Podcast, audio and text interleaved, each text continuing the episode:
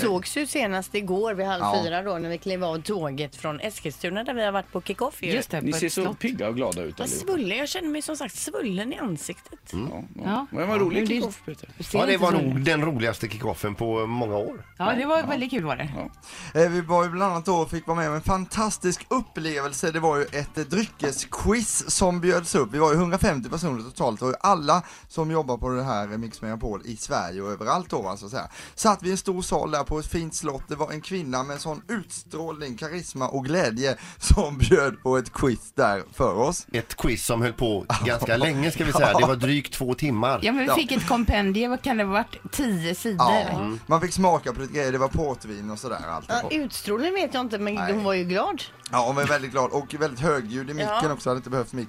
Rätt vad det är då, utav de här 150 personerna, eh, man sitter där och koncentrerar sig, svarar på frågor och allting, så är det någon som klingar i glaset. Ja men fruktansvärt. Jag hörde ju Ja. också det bakom men jag tänkte så vad är det nu? Nu är det någon som Jag ska bara hålla titt- tal. Jag tittar mig runt, vad är det nu någonting för som händer? Och det blev helt tyst i salen. Knäpptyst. Länge höll det på också. Alla 150 tystna. Ja, det blev helt tyst, man kunde höra en knappnålshuvud bara falla så här. Men vem var det som klingade i glaset undrar jag, det vill man ju veta. Ja, det undrar man ju. Ja. Ja, det var jag. Varför gjorde du det? Jo, alltså nu var det så att det tog ju väldigt lång tid det här eh, quizen och folk började ju hitta på andra saker. Sofie satt och kollade hockeymatch på sin mobiltelefon och andra gjorde, de diskuterade, folk gick ut och in och så vidare. Och, eh, och min bordsdam, hon sa det, nu har vi så många tomma champagneglas här så nu eh, kan vi hälla upp vatten i de här och göra en glasorgel. Ja, ja, ja. Fina toner. Ja, och den nya tekniken på jobbet här, han hade en sån här app där man kan mäta liksom om det är ett rent G, ett C, ett struket F eller vad det är. då. Stämmare, liksom.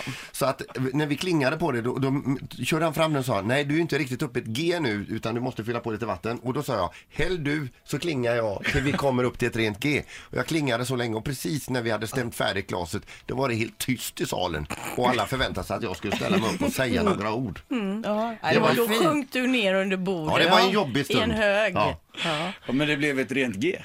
Ja, det blev det. Ja, det blev det. Ett poddtips från Podplay.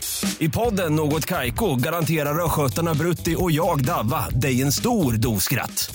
Där följer jag pladask för köttätandet igen. Man är lite som en jävla vampyr. Man har fått lite blodsmak och då måste man ha mer. Udda spaningar, fängslande anekdoter och en och annan arg rant.